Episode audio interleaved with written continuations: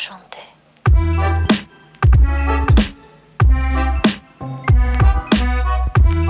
Välkomna till Toto 5, det är onsdag den 14 september och eh, äh, men vi rullar på tänkte jag säga, ligorna, de internationella skulle ha startat och vi har så mycket att prata om men det blev inte riktigt så, ett hack i skivan här i helgen eh, när varke, varken Super League eller eh, eh, spanska ligan eh, valde att eh, spela fotboll. Vi återkommer till det, för jag vill ändå börja liksom i, i någon slags eh, Eh, spelad fotboll. Så jävla tråkigt att börja i den som inte, inte är spelad.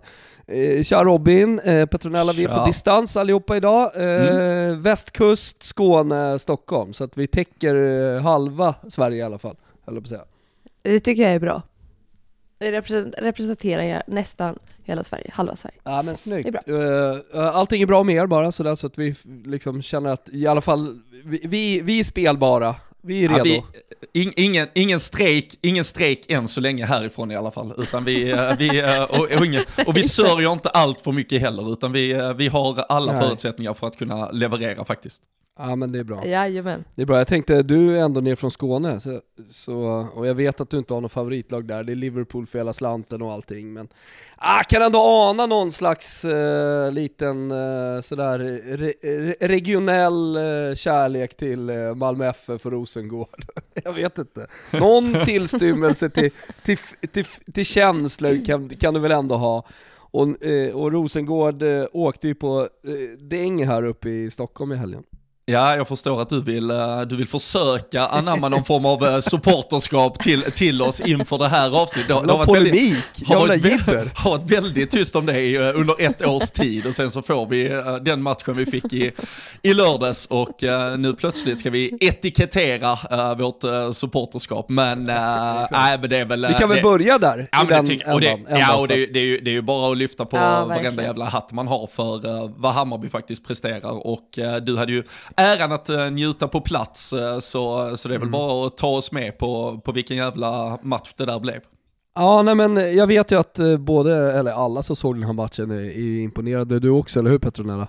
Ja, jag, jag är jätteimponerad. Jag såg ju matchen först igår när jag kom hem till Sverige igen, men jag såg ju flashscore från USA och jag skrev till er i gruppen, jag bara hur ser det ut egentligen? För att man trodde ju kanske, alltså det är klart, vi pratade ju om det att det är ju nu lite på ett sätt upp till bevis Hammarby med tanke på vad de har presterat tidigare och hur det har sett ut och vilka förväntningar man återigen har på Hammarby med tanke på det de presterar. Eh, men det är ändå så här, ja, möter Rosengård, allt kan hända, man vet inte riktigt, men sen att man tar ledningen med 2-0, då blir man ju så här, Åh, vad är det som händer, hur ser det ut egentligen? Eh, och du eh, sa att de blev, eh, eller att, att Hammarby egentligen körde över Rosengård. Nej men, jag, jag tycker det finns många saker i den här matchen som är, eh, nej men, symboliskt starka, eller eh, segern i sig tycker jag, prestationen i sig, tycker jag blir symboliskt stark för, eh, jag, jag, tror att det är en match som Hammarby kan gå tillbaka till om några år och titta på att så här, ja, men Rosengård hemma inför mer eller mindre ett fullsatt kanalplan, där hände något. Alltså där, där, där, det var ett tecken på att så här, men Hammarby, de, de, de har tagit sig till en viss nivå här nu och kommer eh, kommer kunna som sagt blicka tillbaka på den matchen och, och, och någonting som man kan gå stärkta ur också. Eh, jag, jag, tycker, jag tycker Hammarby i den här matchen känns som ett mästarlag. Eh, av all, allting jag sett egentligen under Eh, den här säsongen så är det eh, de första 45 minuterna ett av de bästa, alltså ett, eh, ett av de bästa lagen sådär, som, som en av de bästa halvlekar som jag sett. Och jag vet att vi pratar mycket, en, en annan sak som jag tänkte på efter liksom ha sett otroligt många matcher, både internationellt, Champions League, Eh, och eh, även landslag då eh, från i somras, så är det någonting man har kommit tillbaka till när man har diskuterat svensk fotboll har ju varit lite Häckens prestation och svenska lagens prestationer som inte riktigt räcker till i Champions League. Och att man pratar en del om, eller ganska mycket om, liksom fart och fysik och att det måste också finnas där, inte bara fotbollskunnandet. Sådär att de har kommit längre eh, utomlands. Det tycker jag var jävligt imponerande från den här eh, matchen från Hammarbys första 45, att det kändes som att det var så jävla mycket fart i Hammarby. och man vann närkamper, det bara smällde. Det kändes som att de, det var nästan som att det var två, två nivåskillnader, och då pratar vi om Rosengård. Som mästarna Rosengård med, eh, som, som har slaktat den här serien länge, under, eh, även, även den här säsongen. Och, ja, men det också, alltså, ja, men förlåt, men alltså passning, passningstempo, farten, man hade rörelsen, uh, sättet man, uh, man faktiskt helt och hållet lämnade Rosengård ganska, ganska utblått. Jag tror Rosengård stod och var ganska chockade över sätt. Alltså Hammarby kom ju som vi pratade om in, alltså ingjutna med jättemycket självförtroende i det här, men, men sättet de går ut på, det var ju, alltså, det var ju en nivå till som du innebar och, och sättet man valde att, att sätta fart på detta och sättet man faktiskt spelade sig igenom Rosengård konstant egentligen. Och eh, när de väl får in 1-0 helt fantastiskt uppspelat, upprullat så har man ju, vad är det, en minut tidigare haft haft någon, en, en meter från att, att sätta ett mål som kanske hade varit ännu snyggare egentligen, där man nog, jag har inte suttit och räknat det, men det känns som man är uppe i en, i en 20 passningar eller någonting i alla fall, där man i stort sett rullar igenom och tillbaka och upp igen, igenom Rosengård, exakt hur man vill. Och eh, som sagt, alltså just sättet man gick ut på, alltså med självförtroendet och ponduset, och det Alltså återigen, vi kan komma tillbaka till vad John Andersson har betytt för det här laget sen hon eh, kom in i sommar. Så hela den vänsterkanten de har nu med, med John Andersson, Vilde Hasund och, och sen Janogy som är i, återigen i någon form av livsform längst fram. Det, det är ju ett Hammarby som, som nu bo, både har då en, en grundtrygghet i sitt spel, men då också en, en X-faktor i, i de här spelarna som är i extremt bra form. Och det var, det var, det var den Ja, men det var den bästa fotbollen vi, vi nog har sett i år. Eh, de där ja, drygt första 45, men, men framförallt inledningen från Hammarby är ju fenomenal.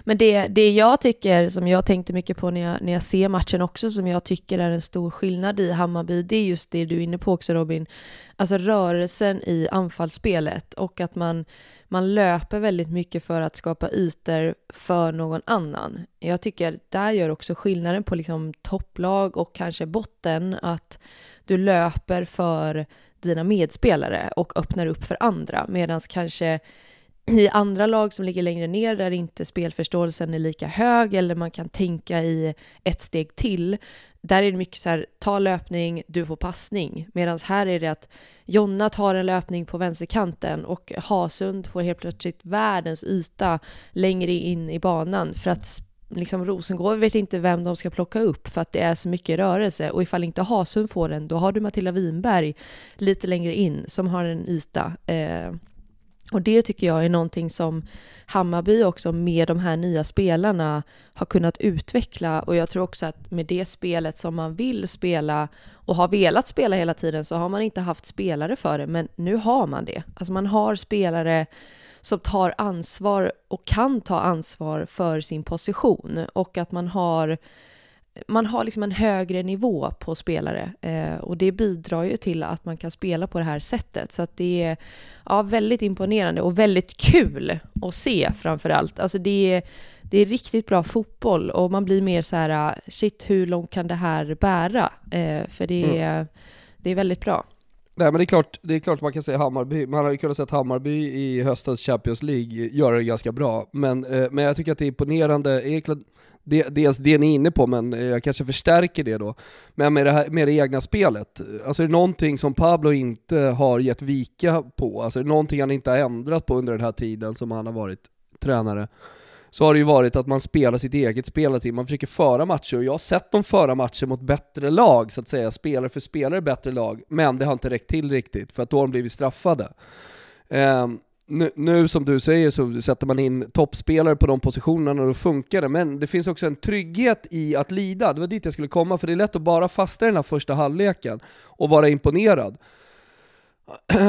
pratade lite med folk i Hammarby efter och det var ett par som sa ja men fan vi hade kunnat gjort det bättre i andra halvlek och sådär. Jag tycker att det var en perfekt seger, att Rosengård kom tillbaka lite och ändå eh, fick chanser i, i den andra halvleken och kände som att, som sagt, Hammarby fick lida lite. Jag tycker att, alltså så att vinna på det sättet, att dels göra 45 fantastiska minuter där det bara liksom sprakar, Emma Jansson är i inneribban också, eh, så att det hade kunnat varit betydligt större.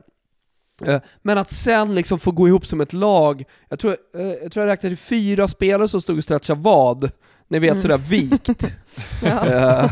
i, i, i, den andra halvleken. Ja.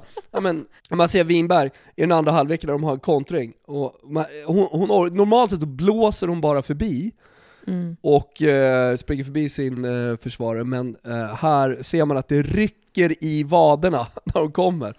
Och sen i situationen efter, då står de liksom tre, fyra Hammarbyare och, st och, och stretchar ut. Och att man liksom får ta med sig den kämpaprestationen också, att man som lag stod emot när Rosengård ändå fick tryck i andra halvlek. Det, det, tror jag också, det tror jag också var viktigt för Hammarby att känna. Och det ska ju tilläggas i den här matchen, om man ser till de senaste matcherna, en som har varit den absolut bästa spelaren är ju Cooney Cross. Nu kom ju de sent, både hon och Nevin från eh, landslaget med, med Australien. De spelade, de startade inte den här matchen, Cooney Cross kom ju in sen. Men eh, Emma Jansson går in och gör det så jävla bra. För man, hur, hur ska Pablo tänka nu? Om man ska ta med alltså, sig något från den här alltså, matchen, eh, mm. och där man har gjort då en historisk 45 minuter eller 90 minuter, och eh, där Emma Jansson har spelat centralt. Ja, hur gör han till nästa match? För det var ju inte så att Kunny Cross, alltså det är klart hon ska spela, men är det Emma och Kunny Cross är det eh, alltså Callum Knight, hur, hur ska, hur, vilken konstellation ska han hitta på det här mittfältet? För att det är helt plötsligt angenäma problem för Pablo. Ja, nej alltså för mig är det, alltså Callum Knight är, jag, jag skrev faktiskt upp henne återigen för att hon är otroligt viktig för det där innermittfältet. Alltså som hon styr och den stabiliteten och den tekniken. Och man ser att hon, inte bara när hon har boll, utan även ut, utan boll, mycket styr spelare, snackar med spelare och rör på sig hela tiden. Och den nivån tycker jag absolut kunde Cross har en annan typ av spelstil eh, och en annan typ nivå på vissa kvaliteter. Men när det kommer till spelförståelse och liksom spelskicklighet så tycker jag att Kello Knight är outstanding. Så att hon, hon ska spela och jag tycker även Cooney Cross har lite högre nivå än Emma Jansson. Sen ska man inte ta bort den prestation hon gör och jag tror också för Emma Jansson är det viktigt att få göra en sån prestation eh, för att hon kanske känner av också att hon är inte helt given eh, i den här startelvan. Eh, så det är väldigt viktigt att hon gör en sån här prestation och absolut, det är, fort, det är liksom ett svårt val men jag tycker att Conny Cross eh, är bättre och jag tror att hade inte de varit försenade eh, och av princip sitta på bänken så eh, tror jag att Conny Cross hade startat. Eh, så det, det, det, det men där, och där kan man ju också säga om vi pratar, nu kommer då spelare in som, som kanske var mer bärande i ett Hammarby som gick lite tyngre tidigare på säsongen, men i ett lag som då har fyllts med självförtroende där några andra spelare har kommit in och kanske bidragit med, ja men tagit lite av den här ansvarsbördan och där laget som, ja men, som lag har börjat fungera bättre, då visar det ju sig också att truppen faktiskt är ganska bred med spelare som håller för den här nivån, om man nu har lyckats addera leverera kvalitet och där du har fått tillbaka en Janogy i, i eh, toppslag och så vidare. Så det, det är ju ett Hammarby som som med denna matchen då dels visar att det finns, där finns spets, där finns uppenbarligen en bredd som de kan lita på även när det är som, som allra tuffast.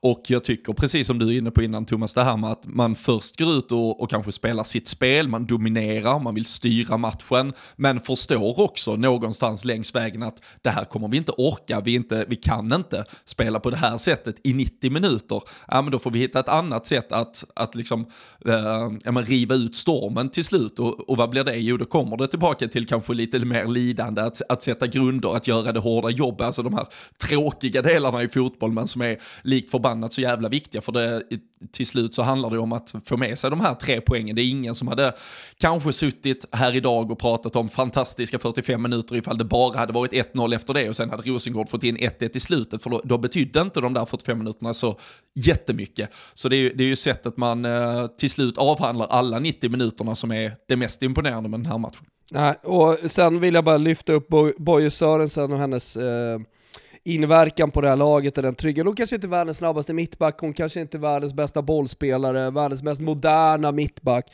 Men det spelar liksom ingen roll, för hon har en ledaraura där ute på planet. Och, och det, det du är inne på Robin här också, att så lyfta sina lagkamrater så att de andra blir bättre. Nu kommer Alice Karlsson in, eh, som inte har spelat på ett tag. Och hon blir också bättre i, i det här laget, hela backlinjen. Och då finns det en trygghet i Hammarby också, att tappa bollen. Alltså vi kommer ihåg hur det såg ut mot Häcken. När eh, eh, Rytting Kaneryd kom på kanten och alltså, de blev så straffade för att de spelade sitt spel. Men nu finns inte den längre. Nu, nu finns det en trygghet och ett självförtroende i, som jag tycker backlinjen ger till resten av laget. Och eh, ja, det är klart, vi, vi kan nämna Jonna Andersson där, men jag, tror, jag tycker fan Boje Sörensen, man ser henne sådär eh, på uppvärmning och jag har sett honom lite på träning och sådär, det kanske är en, en spelare man inte tänker så mycket på, men när det blir match, när det är en sån här viktig match, då ser man vilken, vilken stor betydelse hon har för det här laget. Nej men det är ju, det är ju någonting jag eh, har efterfrågat hela året egentligen. Alltså jag blev förvånad över att man inte eh, tog in någon i backlinjen som har lite mer rutin, för att eh, det är någonting som jag tycker att man har verkligen, verkligen behövt. Och någon som kan styra bakifrån och vet som sagt så här, när ska vi falla, när ska vi stå? Eh, och har koll på de bitarna. Och, och det gör verkligen Sörensen. Så att eh, ett också superbra nyförvärv och väldigt viktigt framför allt.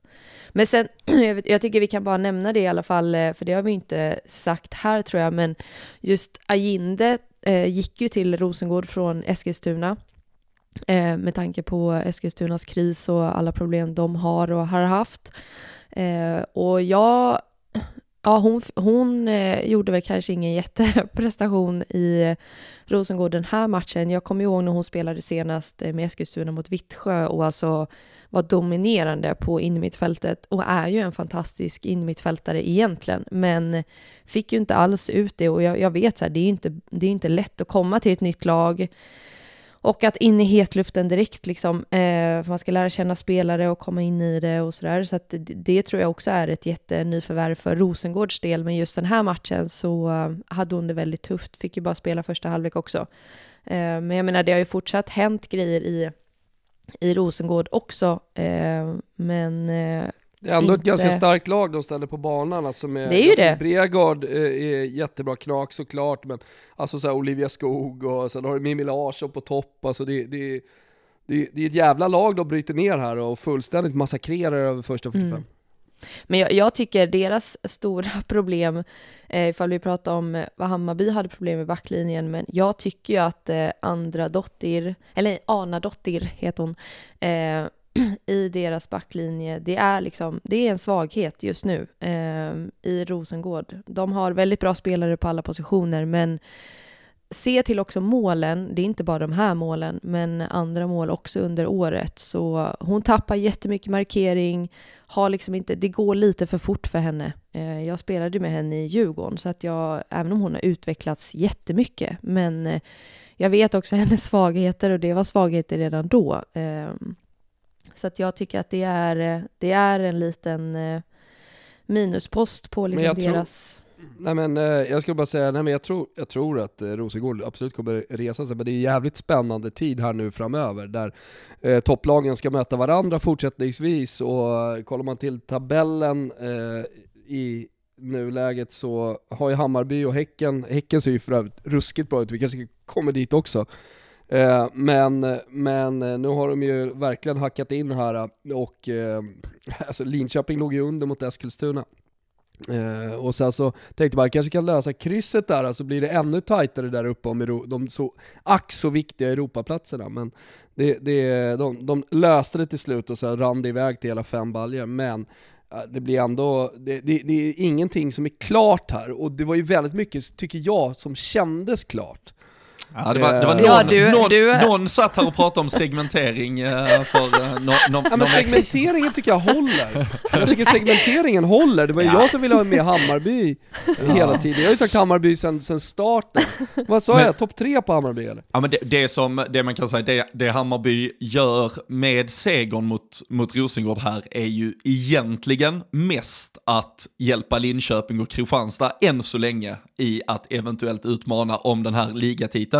Det är ju först om Hammarby följer upp det nu här med seger mot Kristianstad som man själv dessutom köper sin biljett rakt in i den här guldstriden. Så det, det är ju, de har ju tagit, de har ju tagit första steget, men eh, vi, vi pratade ju tidigare om eh, en eh, ja, men extremt avgörande period för, för toppen. Det är väl, Hammarby har väl dessutom Linköping i, i nästkommande matchen efter Kristianstad, så de, de kan ju, om de lyckas bygga på, på det här spelet, faktiskt ta sig hela vägen in i guldracet inför avslutningen och det, det vore ju en alltså, sensationell, ja, men sensationell utveckling på vart, vart de faktiskt var efter de första inledande omgångarna i, i våras där man kände att nej, men det, här, det här klickar ju inte alls. Det här är ju inte alls ett lag som motsvarar det snack som fanns inför säsongen men uh, man har trott på det, man har ja, adderat ju... spelare. Mm. Det kan ju faktiskt också uh, bli så, alltså jag tycker vi kanske kan komma dit och brygga över, men det kan ju bli så att Häcken går hyfsat rent här framåt också, för de ser jävligt bra ut. Uh, det kan ju bli så att Hammarby uh, kanske kna knappar i, igen på Kristianstad, går om Kristianstad, men att de kommer fyra och missar Europa för att Häcken går rent. Alltså det, det, är också, det är också ett scenario som skulle kunna hända, så att det blir lite så här: wow, vi gjorde en jättebra säsong, men vi nådde inte hela vägen till de här Europaplatserna som jag vet Hammarby tycker är jävligt viktiga. Nu har de ett långsiktigt projekt och allt det där. Det är klart ingen går under för att man inte kommer topp tre, men men eh, det hade varit surt så att säga att man, om man inte riktigt når hela vägen till Häcken. Jo, det är ju samma sak för Linköping och, och Kristianstad igen, alltså där, där man känner att nu, nu ligger de hack i häl på ett Rosengård, men ett av de här lagen kan också mycket väl vara det laget som kommer femma i, i slutändan. Så det, vi kommer ju ha, vi kommer ha en extremt, extremt spännande uh, toppstrid här de avslutande veckorna som... Två, som jag ska bara säga två spaningar här från matchen, eh, från live. I, efter eh, första halvlek så går Caroline Seger fram till domaren, hon är med på bänken och, och liksom kryckar sig ut till, till domaren och har väl vä några välvalda ord att säga. Och men vi brun, om den fantastiska en sedelbunt. ah, nej, men, eh, hon, är, hon är uppenbart irriterad. Men man pratar ju om stämningen Eh, och att eh, ja, supporterna verkligen börjar hitta till damallsvenskan och det är väldigt mycket Hammarby. Och här, eh, vi, idylliskt såklart med, med kanalplan på Södermalm och mycket folk och sång hela tiden och sådär. Men, men det finns ju något härligt också i där då, att det resa sig upp en supporter faktiskt precis bakom mig och liksom ropar, för lite tyst då, det är ju i halvtid. Inga sånger och sådär, och, bara, och, och ropar rätt ut över planen. Seger! Är det du som bestämmer i svensk damfotboll eller? Och man ser att hon liksom hajar till och, och kollar tillbaka. Så jävla koppling till Dick Axelssons, eh, är det eh, Joel Lundqvist som bestämmer i svensk hockey. Ja. Eh, för de som sätter den referensen, men, men eh, det var roligt för att sen lommar hon därifrån. Det är det ena, det andra är ju alltså domaren. Vad är det? Mm. 17 gången jag ser den här domaren döma Hammarby. Trots hennes eh, brutala miss, och där tycker inte jag, där, där, nu kanske inte finns så många domare på damallsvenskan av hög nivå, men hon gjorde ju en brutal miss eh, inom match där hon blåste av Janå, eh, Emma, eh, Emma Jansson ja, gjorde ett mål. Jag tror att hon blåste av för Ruff och Janåger, vi har diskuterat det. Ja just det. Det var väl mot Kristianstad ja, hemma, var det inte det? Det var ett extremt viktigt mål också. Ja. ja det, det, det, målet kanske blir avgörande i slutändan för den där sista poängen som gör det ena eller det andra. Skitsamma. Jag har sett henne göra så dåliga matcher. Och här igen då, så kliver hon in och tar en straff för Rosengård. Det är givetvis inte straff.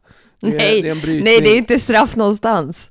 Nej, det är inte straff någonstans, men hon blåser då straff, en, ändrar domslutet, men hon, alltså det blir så rörig situation. Och jag tror att det är fjärde domaren som kliver in och eh, ändrar på det här domslutet. Och det känns ju också jättekonstigt, alltså, fjärde domaren som står närmast Får han ens ta det beslutet? kanske han får, men som står närmast bänkarna, för Pablo blir lagt, eller Hammarbystaben blir, blir sura såklart eftersom det inte är straff. Men ändra på det så blir det rörigt efter det, så fan håller hon på med? Hon kanske behöver, kanske behöver softa lite.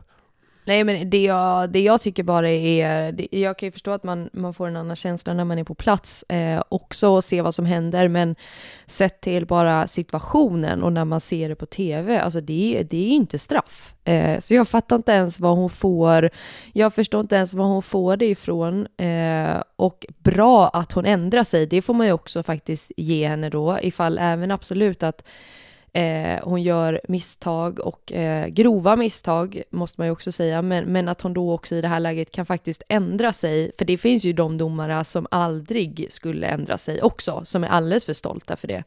Eh, så att hon också ändrar sig i det här läget och tar ett helt rätt beslut. Eh, det får man ju ge henne, eh, faktiskt. Det, det, det, får man göra, men jag tycker ändå det, det blir dålig eftersmak på prestationen, man håller på att ändra straffar och blåser dåliga straffar och sådär. Men jag, jag, vet inte vad Hammarby hade gjort om de hade gjort 2-1 där.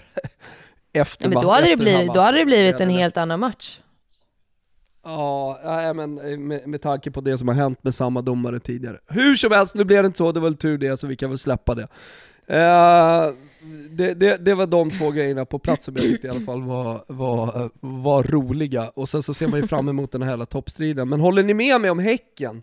Att uh, det ser bra ut? Ja men alltså, verkligen. Det, det, och sen uh, Umeå då som jag hade som lite favoriter i början. Går ju inte Ja, det går tungt för dem. det lite trött. Men det som är, vi får säga det ändå, så här, det som är positivt för dem nere i botten, det är ju att ingen av dem eh, vinner. Eh, så att det är väl Nej, det, det, enda positiva. Förutom då, alltså då, förutom BP då som tar de poäng. De är så dåliga allihopa så att... Eh, ja, B, BP tar ju poäng mot Piteå i helgen, vilket är ju ändå anmärkningsvärt att de faktiskt gör det borta mot Piteå eh, tar man poäng, det trodde man ja, ju verkligen Papi Marcello inte. vet du som kliver in där ja, och, ja, ja, ja, ja, sätter upp taktiken. ja, jag, Ingen tiki-taka där. Ja, men jag måste ja, eh, vi, eh, vi satt ju förra torsdagen så eh, var ju, då var det ju du och jag som var, faktiskt var i studion i Stockholm, Thomas tillsammans medan vi hade Petronella på lån. Sen skulle jag flyga hem på, på torsdag eftermiddag till, äh, mot Skåne, men så på Arlanda så såg jag helt plötsligt en himla massa Umeå-väskor, så tänkte jag, vad fan, när, när spelar de och vad är, vilken match är, är detta här? Men då, då är de alltså torsdag kväll, då har du mellanlandningen på Arlanda för att ta sig ner mot Göteborg för att spela mot Häcken fredag kväll och så blir så ut inspelade och så vet man att det är resan hem. Det är, alltså det, det är liksom fler dagars projekt för att åka ner och bara bli ah, men fullständigt. Äh, jag led med dem när, när, när, jag insåg vad det var de var ute på för en liten uh, Sverige-turné för att, uh, för att få den här ja, men, dyngtorsken som, som det blir igen. Och det, det är ju ett, ett race där nere i botten där, där man har svårt att se de här lagen faktiskt vinna mot, mot någon än såklart varandra. Och det kommer ju vara det som, det som avgör allting i slutändan. Och vi pratade ju redan för några veckor sedan att Kalmar bara med 2-3 poängs marginal kanske har köpt sig lite, lite space för att det ser så, alltså normalt sett är det ju såklart inte, du kan ju inte känna någon trygghet med 2-3 poängs marginal. Men här har man så svårt att hitta var de här lagen ska vinna sina matcher. Så det, det är ju faktiskt lite marginal bara du har någonting på din sida. Men äh, de, de ser... Och häcken, Häcken har ganska bra spelschema. Ja men Häck och eh, framförallt... Omgång 26 också. Ja och pratar vi där, alltså fått, fått tillbaka nu Paulin Hammarlund i, uh, i slag och uh, gör ju... Ja. Känns, känns Tre mål mot Umeå. Ja, och jag, jag, jag mål på allting. Och lite, alltså just också så här, alltså ty, typiskt bara så här, kan, kan dyka upp i boxen och bara peta in skiten eller, eller nicka dit den för, för den sakens skull. Och sen dessutom, om vi pratar uh, glädjeämnen från, uh, från den här omgången, så är det ju att uh, Rosa Kafaji uh, kommer tillbaka och gör comeback efter uh, sin svåra skada som hon fick där direkt på, mm. var det första försäsongsmatchen i stort sett med Häcken. Ja, det var det. efter, ja, sin, det, var det. Ja. Efter, över, ja, men efter övergången från AIK. Och nu nu vet jag inte, det var någon som kastade in handduken i slutskedet här inför match, så hon fick ju en plats på bänken. Det var egentligen inte planerat, eh, så jag trodde inte hon skulle få inhoppet, men, eh, men fick ju ändå ett eh, inhopp i slutet också. Och det, det är väl enligt... Ja, en kvart ändå. Ja, och vad jag, utan att vara fysiologiskt sakkunnig, så har hon väl gjort en ganska snabb resa tillbaka här från något som såg ut att kunna vara hela säsongen. Och det visar väl också lite på vilket, vilket psyke som, eh, som finns i den 19-åringen med mål, målinriktat eh, stenhårt rehabarbete och eh, vad hon har lagt ner för, för energi och, och kraft på att komma tillbaka. Men, men ett Umeå så då ändå kan, eller så, ett Häcken som andas nog en hel del positivitet om man känner att Pauline Hammarlund kommer in i det här laget, Rosa Kafaji kommer tillbaka i truppen, uh, man, man börjar få lite ordning och det här ja, men unga uh, laget som det nu faktiskt är uh, andas ju extremt mycket självförtroende och kommer nog också vilja verkligen vara med i den här toppstriden. Ja, men och det jag tycker vad gäller Rosa Kafaji också, jag tycker att det säger en del också att visst nu är det så här, hon kommer in eh, i en match där man leder med väldigt mycket mål och det kanske är ett jättebra tillfälle för henne att komma in, men att man också faktiskt byter in henne tyder ju på att hon, hon är med och konkurrerar. Det är en spelare man verkligen tror på, det är en spelare man vill få igång för man ser hennes potential, för det är en spelare med fantastisk potential som är fortfarande väldigt ung, men den tekniken hon besitter och vad hon kan göra ute på plan, som vi såg väldigt mycket i AIK framför allt, alltså det är ju det är någonting väldigt, väldigt unikt. Eh, så det ska bli häftigt nu att få se ifall hon förhoppningsvis kan få hålla sig skadefri och få lite mer speltid här under hösten, så det ska bli väldigt kul att se att se henne tillbaka. Och sen tycker jag även bara Hammarlund, vi måste ändå lyfta henne. Hon har ändå gjort sex mål på nu bara fyra matcher sen efter uppehållet. Så att det är ju också anmärkningsvärt att eh, göra hattrick i en sån här match.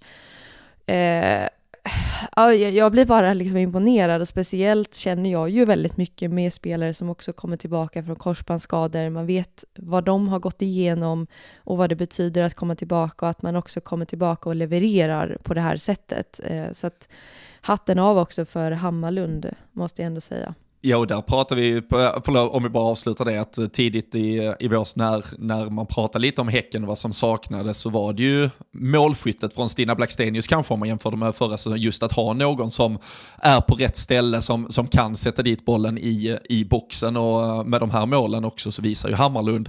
Det är väl, eh, det är väl ett från eh, Hanna Wik och ett från Elin Rubensson inläggen och, och där hon dyker upp på rätt plats varje gång egentligen och, och sen även bara rörelsen i boxen där hon från ingenstans någonstans kan, kan peta dit bollen. Så det är ju det är också den typen av, av spel, alltså även när du, du kan ha ett fungerande spel, du kan uh, göra väldigt många saker rätt, men har du inte den här spelaren i boxen som sätter dit eh, bollarna så, så är det inte alltid det, det räcker till så mycket. Nu, nu hade man säkerligen hittat ett sätt att slå Umeå ändå, men eh, det kommer ju vara tätare och tuffare matcher än den som behöver vinnas under hösten. Och, och jag tror det, blir, det är nog jävligt viktigt för dem att, att få en Hammarlund i slag här så att de kan få upp och igång det målskyttet också. Mm, det blir spännande i slutet, se 24-25 omgången där, Kristianstad, Linköping eh, och Rosengård. Eh, så att eh, det här ska nog leva hela vägen in.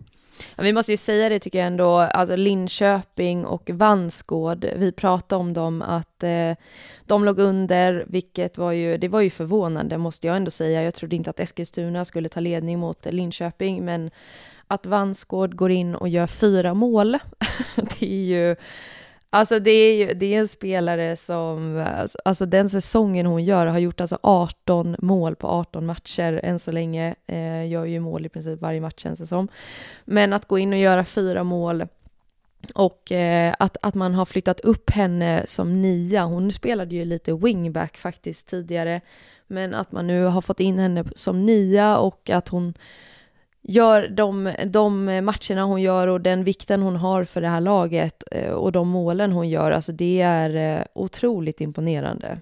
Eh, så att det, men det är också så här, det, ibland det är ju det, det, kan ju vara farligt att ha en spelare som man förlitar sig så väldigt mycket på också, för det märker man ju när man ser Linköping, att man, man är ett annat lag med Vansgård på plan. Hon var ju borta här någon match för ett tag sedan och det blir förändringar liksom. Eh, och när man har henne på plan att förlita sig så mycket på en spelare, även ifall det är andra som gör mål, men hon betyder så otroligt mycket och är i väldigt, väldigt bra form.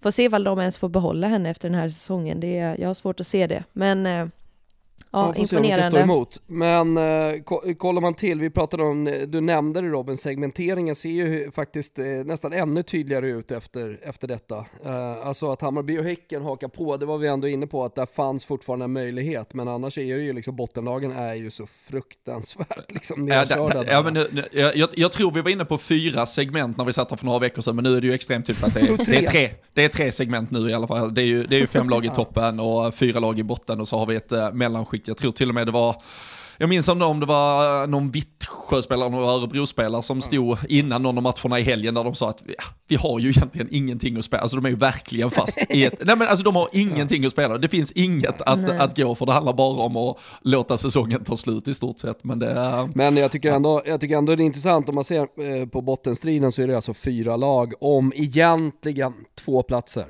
Mm. Eh, nej, för det tolfte laget ska kvala, och kollar man då eh, vilka de ska kvala mot så tror jag att de har ganska god chans. I elitettan mm. just nu så är det Alingsås på tredje plats. Eh, i Uppsala, oh, Växjö i, i, toppen just nu. Eh, alltså Växjö, det, vi, vi, vi behöver inte prata om dem idag, men vi kan återkomma till det. Eh, som sagt, tycker de gör, har någonting intressant på gång med en jävligt bra sportchef som eh, ja, nu leder elitettan faktiskt eh, med eh, ja vad blir det? det blir sju omgångar kvar eller någonting sånt där. Så att, ja. Nej, och det sjukaste, det sjukaste i detta är väl egentligen att, så, som du säger, att två av de här fyra lagen kommer vara kvar. Uh, vi, eh, det, det, kan väl diskuteras i, i all oändlighet, men, uh, men frågan är om vi, om vi kanske är två lag för mycket i, i den här serien. Det, det, ja, att, att två av de här lagen ska ja, ges en, en, en ny snabbt chans. beslut liksom. Ja, kanske. Men, men det, får. det, det, det jag alltså, tänker, det, det är ju så här, de lagen där nere, de behöver ju slå varandra. Det är ju det enda sättet för dem att överleva. För att ja, mot de andra lagen andra. så, mot de andra lagen, det är, det är de, de klarar det inte uppenbarligen, eller det är min känsla i alla fall. Eh, AIK har ju faktiskt Kalmar sista matchen. Ja. Så där kan du ju... Emma. Exakt. Det bara fylla eh, friends. Exakt, fyll friends. ja men så här, ta en, två mäktigt. poäng. Ja men det är ju ja. typ såhär, ta en, två poäng fram till den matchen så vinner du den. Då, det, ja. det, det, det räcker ju typ. Ja, det kan ju förändras lika fort. Alltså det är ju verkligen så, en, en vinst, då är du helt plötsligt på elfte plats typ eh, och är klar liksom. Så att det kan ju hända väldigt mycket på, på en sista, match. Sista, men... sista omgången så har ju Umeå och Kristianstad borta. Mm. och BP Rosengård hemma som förmodligen slåss om, slåss om guldet. Så jag menar, där, där kommer de ha en enorm möjlighet att knipa en av två platser. Mm. Men eh, AIK också släppte ju Hayashi nu, precis sista dagen eh, på fönstret, så det är ju ytterligare en spelare som eh, man har torskat, går ju till West Ham lite förvånande. Alltså jag, jag, kan förstå Hayashi att hon vill röra på sig. Eh, jag vet inte hur diskussionerna har gått där, eh, ifall hon har önskat sig bort eller jag har ingen aning. Men eh, att hon ändå lämnar är ju ett litet utropstecken. Man har förlorat många spelare här senaste tiden. Har ju sagt också att man vill satsa ungt och alla de bitarna. Men eh, det är ju ändå en spelare Ja, men det, det, är ändå en spelare, nu har kanske inte hon varit i sin bästa form den här säsongen, men vem har det i det laget? Och hon har ändå gjort inte... viktiga mål och alltså, ja, men hon är alltså, ändå... som central mittfältare. Ja, det är en spelare som eh, är ändå lite navet i, i deras spel.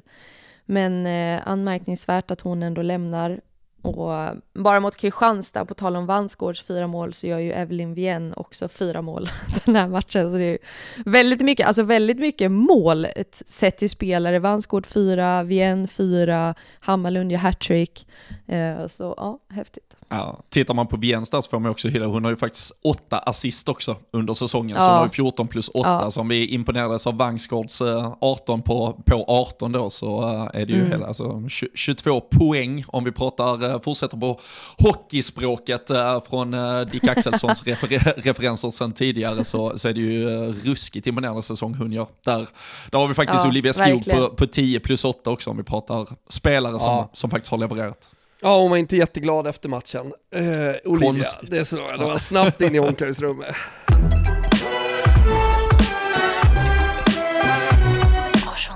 Nog om eh, allsvenskan, eh, ska vi prata om den fantastiska fotbollen som spelades i eh, Spanien och i England denna helg? ja, det, nej. Vi hade, vi hade i alla fall förväntningar på, på, på fantastisk fotboll och uh, nu kan man ju, det, det, enda positiva med den uppskjutna fotbollen i England är ju att man har några dagar till då på sig att uh, lyssna igenom vår uh, VSL special Exakt. där vi uh, tog fullständigt grepp om uh, den, uh, den engelska högsta ligan som väl uh, vi ändå konstaterade där blir kanske vår, vår största prioritet på den europeiska scenen med tanke på dels alla, alla, alla stjärnor som är där, alla storklubbar, alla satsningar och framförallt såklart alla svenska landslagsstjärnor som finns där. Men nej, det var ju... Jag, jag tycker också så på förhand, alltså om man nu inte har lyssnat på den, om man kan lyssna på den, men det, det, det, det känns som att det kan ändå vara ganska öppet i toppen.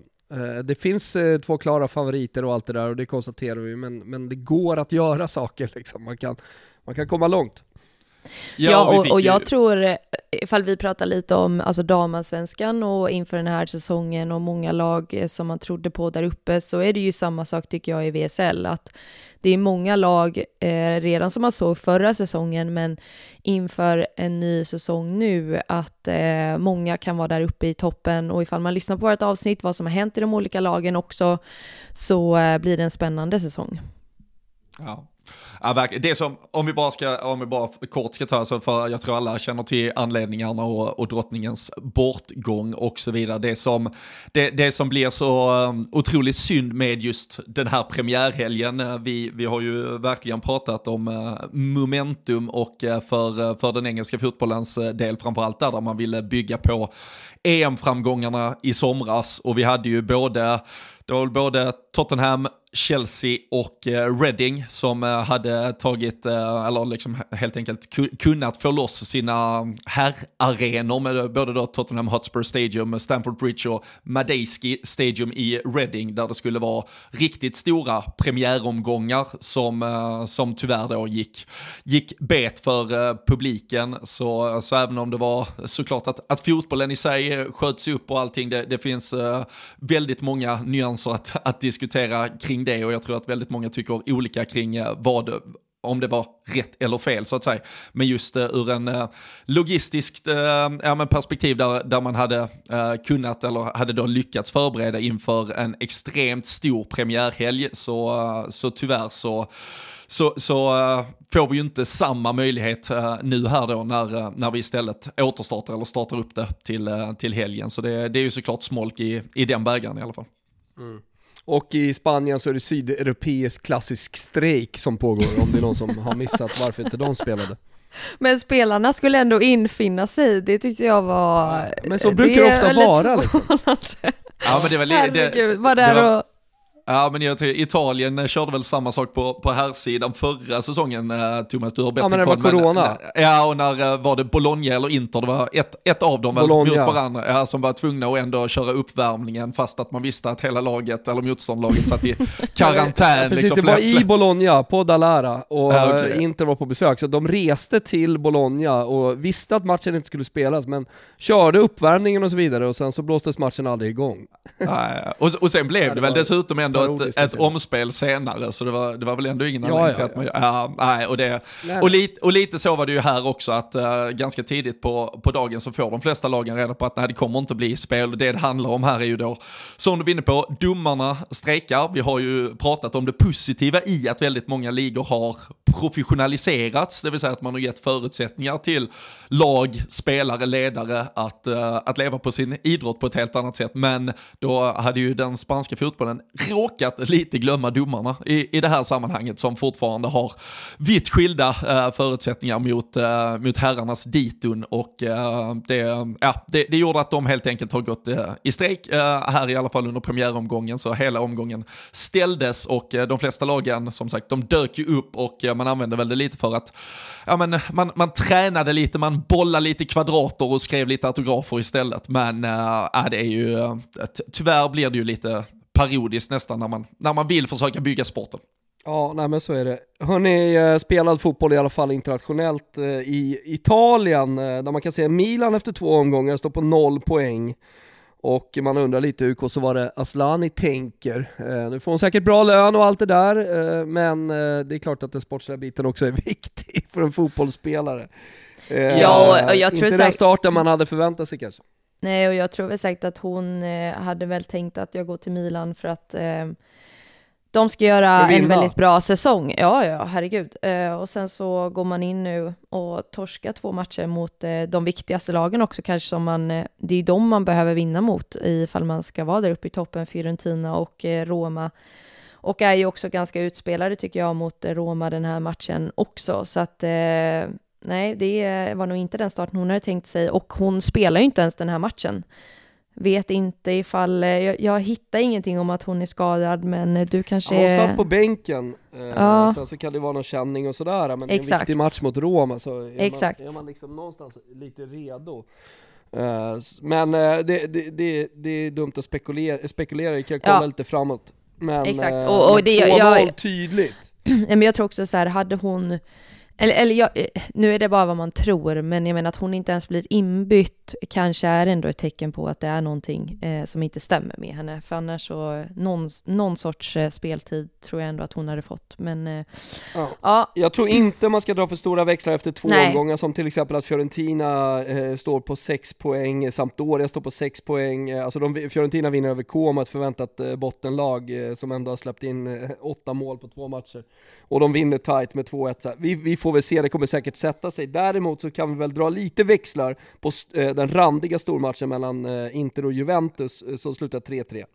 Ja, det kan, jag vill bara avsluta i, eh, i det här med, med Milan eh, först. För jag, jag tycker, alltså, vi, vi, ska absolut inte dra någon växel av att de står på noll poäng efter två, som du sa, det, det är Fiorentina. Men det alltså prestationen mot Roma, i, alltså, först, om vi pratar en, en bra halvlek av Hammarby i första 44, alltså Roma hade kunnat ha alltså 5-0 eh, efter första 45 här mot Milan i stort sett. Och eh, det här var ju något vi faktiskt pratade om för egentligen två veckor sedan i ett, eh, i ett avsnitt som vi, vi får återigen ursäkta aldrig kom ut eftersom det blev lite tekniska bekymmer. Men det som är nu med den här Serie A-säsongen är ju att vi har den här uppdelningen efter att alla möter alla två gånger och sen så är det ju då topp fem som går till en, en slutspelserie eller en, en, eller en titelserie, en scudetto-serie och sen har vi då fem lag som går för en um, nedflyttningsserie och, och, och, och där så är det ju redan uh, ändå ganska illavarslande för Milan att eh, dels att man, man står på noll poäng såklart mot två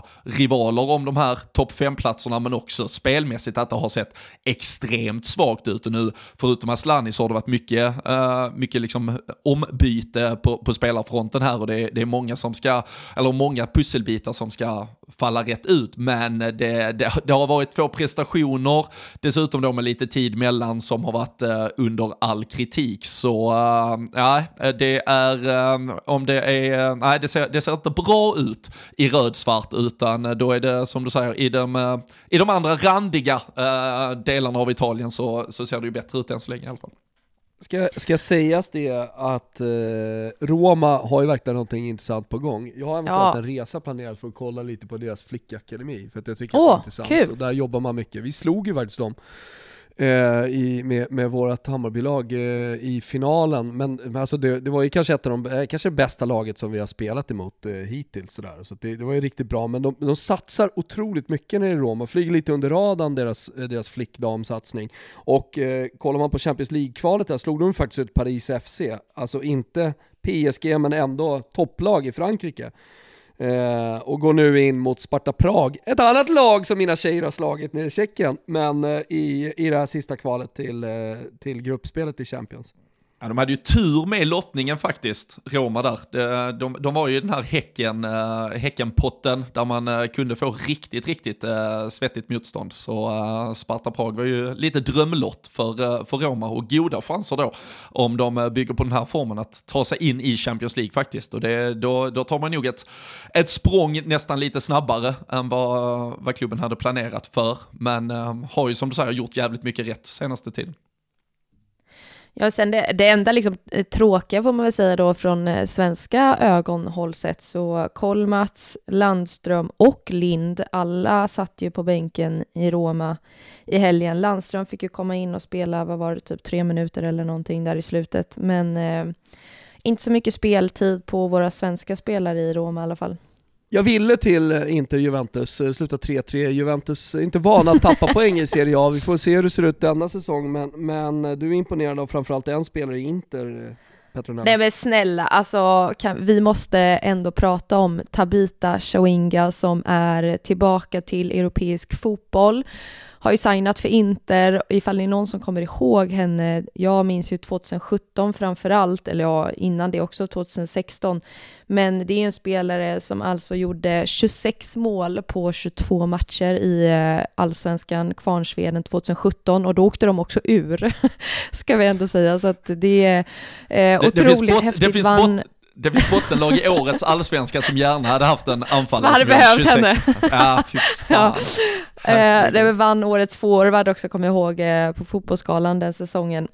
Gick ju sen till Kina och eh, har huserat där nu i, i, några år, men är ju nu tillbaka till europeisk fotboll och har ju redan gjort tre mål på de här två första matcherna. Gjorde ju två mål nu mot eh, Juventus i helgen.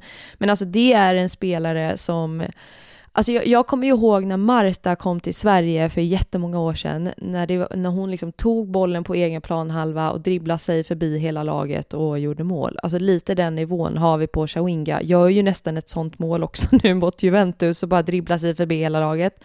Eh, så det är Alltså en otrolig spelare som, eh, jag kommer ihåg, jag har mött henne, alltså det är ju, det är ett kraftpaket utav en helt annan värld. Eh, så det, det ska bli väldigt hon, kul. Hon kvitterar ju upp Eh, och jag är ju 2-1 och 2-2, så att ja. inte, då, eh, inte då kryss. Och sen så kliver ju Linda Sembrant in med ett karaktärsrött för Juventus, men de lyckas ändå få in, Girelli gör ju ändå 3-2 för, för Juventus. Som ja, de alltid gör! Precis. Alltså där trodde man ju så, man bara, nej det är helt otroligt, de vinner ändå alltså. Man trodde verkligen det, och sen så lyckas ändå Inter få in 3-3an, eh, som såklart eh, är en otrolig seger för Inter skulle jag säga. Sen absolut, man spelar med en man mindre, eller en kvinna mindre och eh, släpper in ett mål, så att det ju, måste ju bara göra 3-3 och avsluta på ett bra sätt. Men jag menar att ändå ta poäng från Juventus, det kommer ju alla vilja i år såklart. Ja, och prat, prat, pratade vi lite uh, tung, tung helg för uh, som, uh, som då knappt kom i spel överhuvudtaget, någon av dem, så, så var det ju som du var inne på, alltså med, med Linda Semra först, uh, hon, är, hon får ju verkligen en, en köra där när Shawinga går fram och gör det här 2-1 målet först när hon egentligen driver igenom hela laget. Där, där är mm. Sembrant och, och egentligen hela Juventus-försvaret ganska passiva och sen så river hon ju ner, jag vet, jag vet inte om vi ska kalla det karaktärsrött, det var snarare att hon stod, stod och drällde med, ja stod, stod, liksom, ja. stod, stod och dräller med bollen och, och somnar till och så, och så plötsligt uh, är, är Inter på väg igenom och man måste dra ner en spelare istället istället. Eh, nej, det var ingen, eh, det var ingen jättefin eftermiddag för, eh, för Sembrant faktiskt. Hon satte ju laget i en, i en riktigt pissig situation där, som de sen såg ut, som du säger, att, att lösa. Men, men Inter gjorde ju faktiskt, det var väl egentligen deras tredje drömmål för dagen. Det var ju bara snygga mål ja, egentligen. herregud ja, alltså.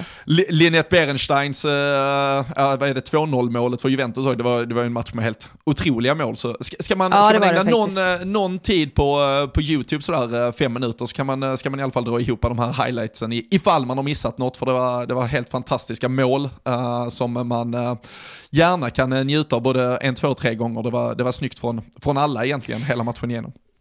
Ja, men den, det tycker jag också bara förtydliga där, Berenstein som Juventus eh, eh, värvade från Bayern München nu inför säsongen. Det är också en otrolig spelare, nederländsk, eh, som man även fick se i EM i somras. Men eh, det är ju en också otrolig spelare som man har fått in och en helt annan typ av spelare tycker jag i Juventus än man sett till de andra spelarna man redan har. Eh, också på tal om kraftpaket, ett enormt kraftpaket, eh, explosivitet och eh, väldigt, väldigt bra forward. Så eh, också en, eh, ett lyft för eh, Juventus, som annars skulle jag säga har det tungt, ser det ut som i backlinjen. Alltså Martina Rosucci, som egentligen är en innermittfältare, går ju ner och spelar mittback den här matchen.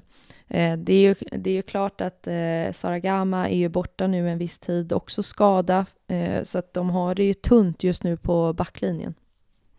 Ja, vi får se. Nu har de ju dessutom då Sembrant eh, out eh, till Exakt. nästa omgång. Och på tal om nästa omgång, vilken förhoppningsvis jävla helg vi får. Eh, för att tyska ligan drar igång också. Ja, efter lite DFB-pokal vi... i helgen bara. Precis. Uh, vill, du säga något om det? Det lät nästan som Nej, men det, det, det, var ju den här klassen, alltså första rundan i uh, kuppen, det var ju, du vet, man, bara, man går igenom uh, resultatraderna ja. och det bara dyker upp så här 8-0, 12-0 och nej, nej, vi ska, vi ska absolut inte stanna där, utan vi, vi är jävligt taggade på att se uh, ligan sparka igång istället. Jag håller med helt. Exakt, se, se om vi kan komma in i våra rutiner på tisdagar också. Jag tror bestämt det, 08.30 har vi satt som någon slags inspelningstid tid så kommer vi ut till lunch på tisdagar. Hörni, fortsätt lys- att lyssna, eh, som vi sa. Nu, nu eh, drar allting igång om ingenting konstigt händer i helgen. Kanske så strejkar man inte längre i La Liga och man har sörjt klart i England och de övriga, övriga ligorna eh, rullar på och den allsvenska eh, liksom, slutstriden både botten och i toppen eh, bli, närmar sig mot ett avgörande. Så det blir var, varje match eh, blir mer och mer spännande och det, alla, alla spelare ställs mer mentalt på prov, vilka pallar, vilka pallar inte. Eh, det, det, är väl lite, lite där vi står nu och det är en jävligt rolig period vad det gäller damfotbollen. Så att eh, vi ångar på och så hörs vi igen nästa vecka, vad säger ni om det? Vi det hörs! Du, då är jag nog Härligt. i studion med dig tror jag. Du är välkommen. Vi har ju inte setts på, vi har inte setts på flera veckor.